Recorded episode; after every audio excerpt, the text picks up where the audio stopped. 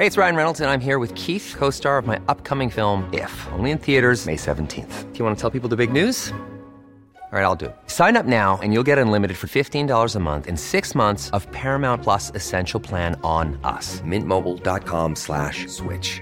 Upfront payment of $45 equivalent to $15 per month. Unlimited over 40 gigabytes per month. Face lower speeds. Videos at 480p. Active Mint customers by 531.24 get six months of Paramount Plus Essential Plan. Auto renews after six months. Offer ends May 31st, 2024. Separate Paramount Plus registration required. Terms and conditions apply if rated PG. Hiring for your small business? If you're not looking for professionals on LinkedIn, you're looking in the wrong place. That's like looking for your car keys in a fish tank. LinkedIn helps you hire professionals you can't find anywhere else, even those who aren't actively searching for a new job but might be open to the perfect role. In a given month, over 70% of LinkedIn users don't even visit other leading job sites. So start looking in the right place. With LinkedIn, you can hire professionals like a professional. Post your free job on linkedin.com slash people today. Du lyssnar på GVS ljudböcker.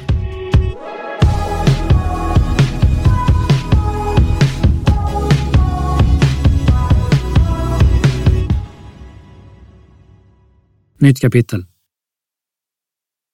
Jonas kände sig inte på något sätt utnyttjad av sin kompis. Snarare tvärtom. Han tyckte bra om Anders. Eller Aje som han kallades. Någons lillebror hade haft svårt att uttala namnet och smeknamnet hade fastnat. Och gillade att hänga med honom. Jonas var två år yngre och hade precis börjat i femman på Glöstorpsskolan när de träffades första gången mellan flervåningshusen på Norums höjd vid Tuve. Aje var ute och klottrade med en svart spritpenna. Hans crew hette TSP. Aje förklarade att det stod för The Society Problem och att det var han som hade kommit på det. Tyvärr höll hans penna på att ta slut och han undrade om inte Jonas ville följa med på Wieselgrensplatsen och fixa nya. Det ville han. Jonas hade varit nöjd när han kom ut från Wettergrens med fickorna fulla av svarta, tjocka pilotpennor. Han reflekterade överhuvudtaget inte kring varför han skulle stjäla pennor åt Aje. Det var självklart på något sätt. Samma sak när duon plundrade skolans omklädningsrum under gympalektionerna. Aje hade kommit på ett sätt att ställa upp dörren så att den inte gick i lås. Och medan de andra eleverna sprang runt på det gröna plastgolvet en trappa upp plockade Jonas på sig allt från dyra parfymer och snygga kläder till smycken och kontanter. Aje visste vilka märken som gällde och de behöll en del själva, men det mesta sålde de vidare. Stadsdelsnämnden Tuve-Säve var i början av 90-talet ett ganska välmående område. Samtidigt upplevde många av Glöstorpsskolans elever sitt grannskap som ganska splittrat.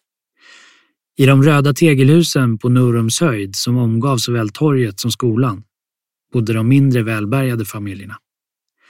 Ajes lägenhet låg visserligen i ett av de intilliggande gula husen på andra sidan Glöstorpsvägen.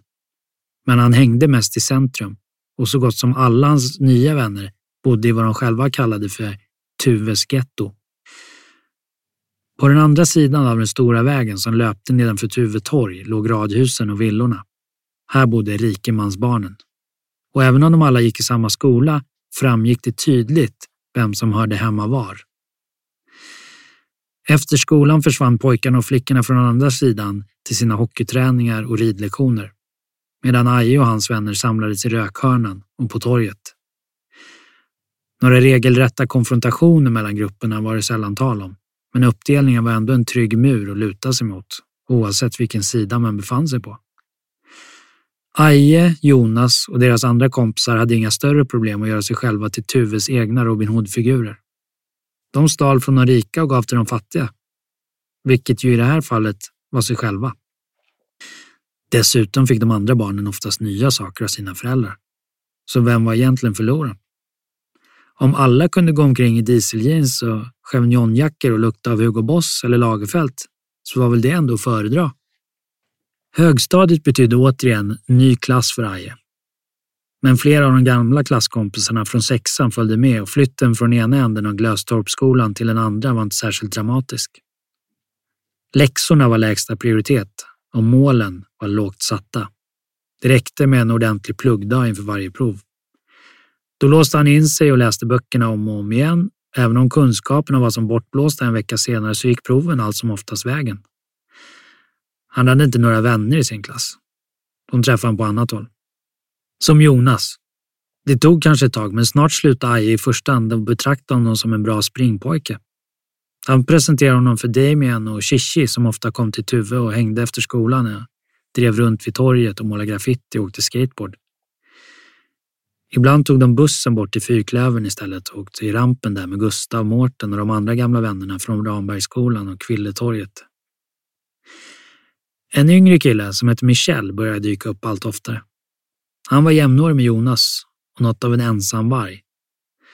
Ah, Aj hade sett honom vandra runt i femmanhuset om kvällarna med en slipad gaffel för att komma runt knivlagen och göra små affärer med folk från andra delar av stan. Men han bodde vid Fyrklövern och det var där de lärde känna varandra. De två kom bra överens och skrattade mycket tillsammans. Michel kunde erbjuda ett stort kontaktnät vad gällde cannabis. I gengäld skulle Aje framöver lära sin yngre vän både hur man drack med klass, alltid vodka lime och alltid två åt gången. Och hur man spädde ut amfetamin med kofason och kokain med dextropur druvsocker. Med högstadiet kom också festerna, vilket innebar en rejäl vidgning av Ajes alternativa Sherwoodskog. Helt plötsligt kändes omklädningsrummen som torftiga jaktmarker. På helgerna var det alltid fest i någon av villorna kring Tuve. Aje uppdaterade inte längre bara sin garderob och parfymhylla. Han ramlade över både guldsmycken och märkesklockor som aningslösa föräldrar lämnat hemma. Han skötte det snyggt. I alla fall tillräckligt snyggt för att aldrig åka fast. Bytena kunde han sälja på marknaden i Sheffield under jul och sommarloven. Pengarna spenderades på fester, nya kläder, guld och annat. Långt innan sina vänner, föräldrar och lärare skaffade sig Aje och Jonas också mobiltelefoner. De hade tröttnat på sina personsökare och det ständiga springet till telefonkiosker. Strax efter att GSM-nätet infördes i Sverige 1992 lyckades de övertala Ajes nya kamrat Sonnys storebror, som var 18, och en kompis till storebror att öppna varsitt abonnemang som Aje och Jonas betalade för. De köpte varsin Motorola i en affär inne i stan. De första åren ringde de i princip enbart till varandra. Helt enkelt för att de inte kände några andra med mobiltelefoner. Telefonerna fungerade som tydliga statusmarkörer, bevis på att det gick bra för dem. Ett annat inköp som duon var ytterst stolt över var de två pistoler som Aje lyckades komma över under samma tidsperiod. Även pistolerna visades upp i skolan. Ofta med konsekvensen att någon lärare bad dem att stoppa undan den där leksaken. Det var inte förrän Ajes pappa hittade den ena pistolen som problem uppstod. När Aje kom ut i köket en morgon satt hans pappa upp och väntade med pistolen liggandes framför sig på köksbordet. Vad som hände med vapnet sen fick Aje aldrig veta. Under högstadiet kom Aje i kontakt med guldsmeden Lomfors som hade sin lokal alldeles i närheten av huset där Ajes farmor och farfar bodde. Kunskap om metaller och ädelstenar kunde vara värt mycket, inte minst vid förhandlingarna på Sheffields marknad. Han lyssnade nyfiket på när hans smyckesmentor berättade för honom om guldprisets utveckling och om de fyra C'n, Color, Cut, Carrot, Clarity, som avgjorde en diamants kvalitet. Det var precis sånt han behövde känna till för att kunna förhandla hårdare på marknaden i Sheffield och med tiden även hemma i Göteborg. Redan när han gick ut högstadiet hade han upprättat en god relation med guldsmeden. Aja hade alltid uppskattat kunskap och människor som visste vad de gjorde. Han insåg på ett tidigt stadium att han hade talang för affärer. Men han förstod också vikten av att omge sig med människor som hade andra kunskaper eller egenskaper. En av dessa till synes outsinliga kunskapskällor var Buppo. Han var fem år äldre än Aje, men dök ofta upp i olika sammanhang när det hände saker på hissingen. Dessutom var han vän med Willy, en stor kille som Aje lärt känna efter flytten till Tuve och kom bra överens med. Mycket på grund av deras gemensamma intresse för guld. Buppo hade varit fascinerad av vapen så länge han kunde minnas. Han visste när en viss vapentyp fyllde år och vilka årsmodeller som var att föredra om man skulle införskaffa till exempel en tjeckisk pistol av märket CZ. Men även om Kalasjnikov, uppfinnaren av den ryska AK47 inte tjänat en krona på de hundratals miljoner av hans vapen som sålts, utan istället profiterade på sitt namn genom bland annat vodkaförsäljning. Vare sig det var praktiska detaljer, goda råd eller historien bakom vapnet man var ute efter var Buppo rätt person att fråga. Han visste vad som var lagligt, vilka beståndsdelar som tillsammans utgjorde gränsen för vapenbrott och hur dessa delar eventuellt skulle kunna tänkas passa ihop. Buppos kunskap var inte bara rent teoretisk. Redan som 19-åring hade han en praktisk erfarenhet av vapen som få andra unga män på Hisingen kunde mäta sig med. Strax efter årsskiftet 1992 genomförde han tillsammans med den då 17-årige Willy en vapenstöld mot en hemvärnsgård på Hisingen. En av de dittills största vapenstölderna i den svenska militärens historia. Buppo hade fått höra att stället skulle stå tomt under nyårshelgen och lagt upp en till synes enkel och rak plan för att tömma det på vapen under nyårsaftonen. De hade åkt dit i Buppos mammas bil, utrustade med en större skiftnyckel, en kofot och en rondellslip. Men en fest som pågick i närheten hade fått dem att avbryta operationen. Istället för att ge upp bestämde de sig för att försöka igen, ett drygt dygn senare. Och den 2 januari parkerade Buppo återigen sin mammas bil en bit från platsen och de vandrade den snåriga vägen bort mot gården. Den här gången var det betydligt lugnare. Med hjälp av skiftnyckeln tog de sig igenom gårdens ytterdörrar och med kofoten bröt de sedan upp dörrarna in till det förråd där vapnen fanns. Buppo som visste hur vapen skulle förvaras enligt militärens regler hade räknat med att få bryta upp flera skåp och lådor för att komma åt alla vapendelar. Men efter att med rondellslipen ha sågat sönder hänglåset på det stora skåpet fann de hela gårdens vapenarsenal framför sig, monterad och färdig. I en blandning av lyckorus och nervositet började de packa ner vapnen i sin väska. Med sammanlagt två kulsprutor, sex k-pistar och fyra pistoler samt både ammunition och larmminor i väskorna lämnade de snabbt huset och sprang genom mörkret bort mot bilen. Willy tappade sin ena gympasko i den leriga marken och fick springa den sista biten halvt i strumplästen. Ingen verkar ha tagit någon notis om inbrottet och det var två minst sagt nöjda unga män som fördelade bytet mellan sig. Det dröjde några dagar innan stölden uppmärksammades. Även om det var nervöst var det med ett visst mått av stolthet som Buppo och Willy läste en artikel i Expressen en vecka efter brottet. Det beskrevs som välplanerat och polisens misstankar riktades enligt artikeln mot olika nazistiska organisationer.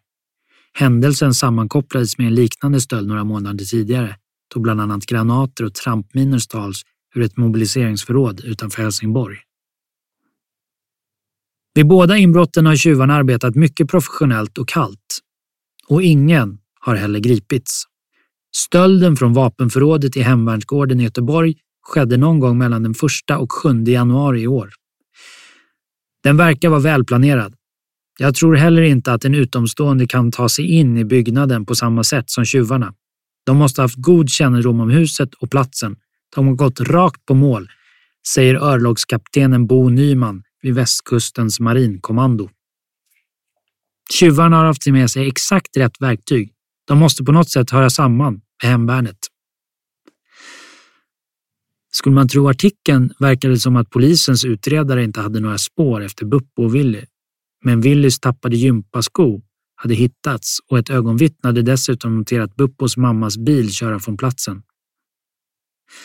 Redan samma dag som artikeln publicerades greps båda två misstänkta för grov stöld och olaga vapeninnehav. Alla vapen utom ett återfanns av polisen, som dessutom fann ett olagligt hagelgevär i Buppos ägo. Trots att han dömts för olaga vapeninnehav tidigare kom Buppo på grund av sin låga ålder undan med tre månaders fängelse. Hans position som Hissingens yngste vapenexpert var nu befäst och den cementerades ytterligare i och med ryktena om nya vapen, provskjutningar i ödehus och en incident som involverade en Securitas-vakt och ett armborst. Att han dessutom gillade att fira nyår med att tömma skarpladdade automatvapen i luften till tonerna av Abbas Happy New Year spädde bara på hans anseende. Buppo skulle under många år framöver vara Ajes förstahandsval när det gällde vapenrelaterade frågor. 17-årige Willys påföljdsfråga för stölden från hemvärnsgården överlämnades till stadsdelsnämnden i Biskopsgården.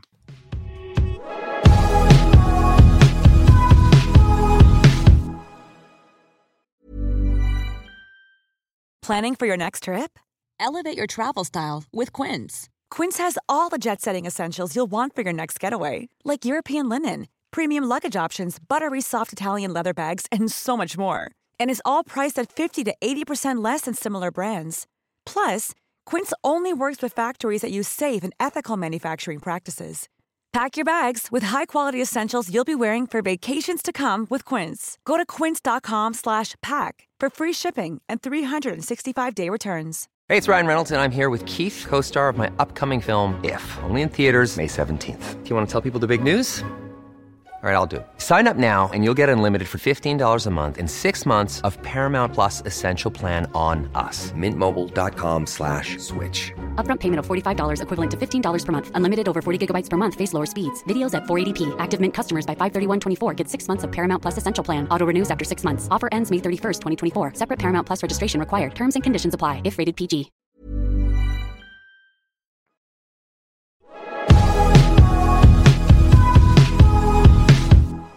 Nytt kapitel. Aje gick och drog med sprayburken längs med stängslet och Damien gick ett par steg framför. Vårsolen sken dem rakt i ögonen. Ska vi gena över här, eller? föreslog Aje och tog tag om stängslet. Samtidigt som han hävde sig upp hördes hundskall från andra sidan. Aje släppte taget och gick ikapp Damien. Nej, vi tar höger här framme istället, sa Damien och pekade med sin sprayburk samtidigt som han tog en klunk cider. De hade köpt varsin glasflaska Herrljunga äppelcider i kiosken på Myntgatan, snett mittemot Ajes gamla lägenhet. Promenadens mål var en ny parkering för tåg som Aje hade hört talas om. Den skulle ligga längre norrut, längs med spåret. Hur långt det var visste han dock inte. De lämnade industriområdet och gick över slätten bort mot spåret och såg ett godståg passera längs med rälsen. Vagnarna var perfekta för en stor målning. Det gällde bara att inte hamna under en av dem. De gick tysta på de lösa cementplattorna som löpte längs med rälsens sidor. Var ligger det här stället egentligen? undrade Damien. Jag vet inte, gå på bara, de kommer väl. Tankarna svävar fritt i den ljumma vårluften och Damien filosofera. Nu är nu, Aje, fattar du? Han svängde om huvudet och låg mot sin vän.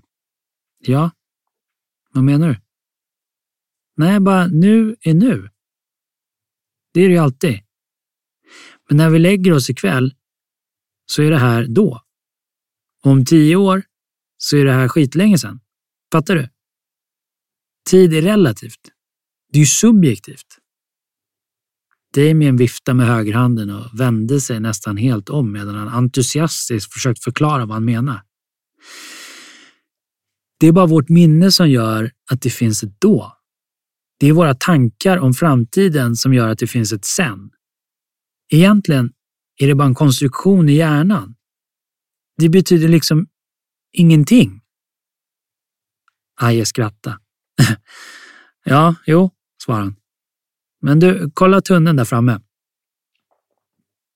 De närmade sig sakta men säkert en liten bro som löpte över spåret och på andra sidan uppenbarade sig en enorm tunnel i ett berg. Tror du det ligger på andra sidan?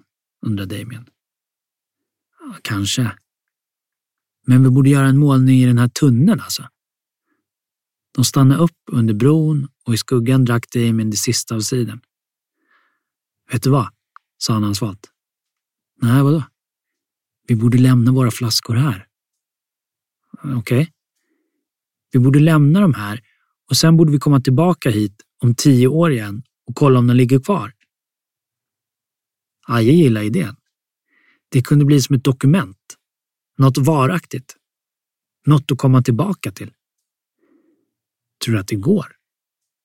Att de kommer ligga kvar? frågade Damien. Aje såg sig om och fastnade med blicken upp under brofästet. Här, sa han och tog de tunga stegen upp för den branta grusbacken under bron, mot brofästet. Damien följde efter. Väl uppe såg de sig omkring. Det var perfekt.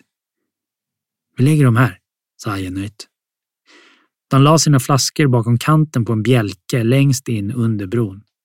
Där borde de kunna ligga kvar ett tag. Nöjda med sitt tilltag studsade de ner mot spåren igen och vidare bort mot tunneln. Berget reste sig högt och brant framför dem. På toppen anades träd och buskar. Tunneln var också hög, men smal, med ett rundat valv. Här kan man göra en grym målning, sa Aja och skratta lite åt ekot som slog fram och tillbaka mellan stenväggarna. Sedan var de i full gång. De var visserligen inte först. Det fanns en hel del andra namn utspridda på den oregelbundna stenväggarna, men det fanns gott om plats kvar att breda ut sig på. De började med att spraya upp TSP med så stora bokstäver som möjligt. Sen signerade de sitt verk. Aje var total och Damien var retreat, eller bara RT3. De tog några steg tillbaka och tittade på resultatet. Det såg bra ut. Vi gör den på andra sidan också, föreslog Aje. Och så vände de sig mot tunnelns andra vägg. De var helt inne i målandet. Kanske var det därför det tog så lång tid innan de hörde något. När de väl gjorde det förstod Aje först inte vad det var.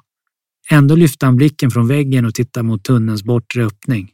Spring! skrek han, men orden drunknade helt i lokets öronbedövande varningstjut i samma sekund började de springa mot utgången. Var tunneln tillräckligt bred för att de skulle räcka med att hålla sig längs med väggen? Var det värt att chansa?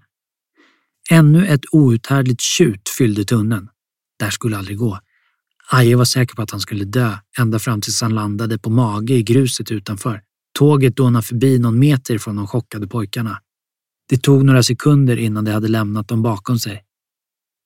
Damien och Aje såg på varandra. Sen började de skratta.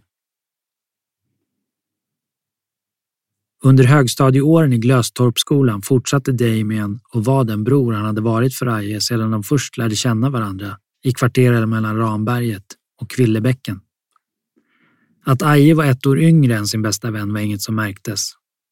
De umgicks som jämlikar. Samtidigt fortsatte Aje att stifta nya bekantskaper i Tuve. De gamla vännerna som Damien och Shishi kom bra överens med de nya, Jonas och Sonny och bekantskapskretsen växte.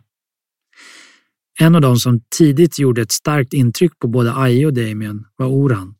Han var jämngammal med Damien.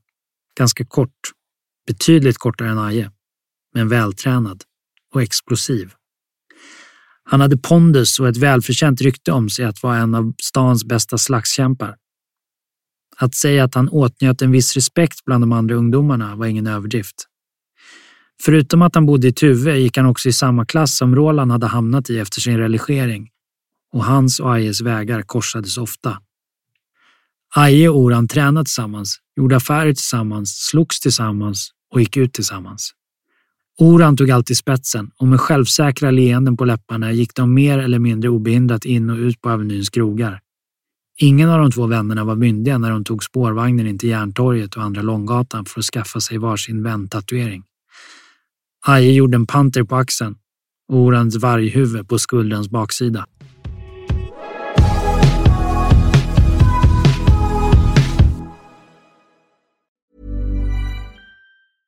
Hej, det är Paige DeSorbo från Giggly Squad. High quality fashion without the price tag. Say hello to Quince. I'm snagging high-end essentials like cozy cashmere sweaters, sleek leather jackets, fine jewelry, and so much more. With Quince being 50 to 80% less than similar brands. And they partner with factories that prioritize safe, ethical, and responsible manufacturing. I love that. Luxury quality within reach. Go to quince.com slash style to get free shipping and 365-day returns on your next order. quince.com slash style.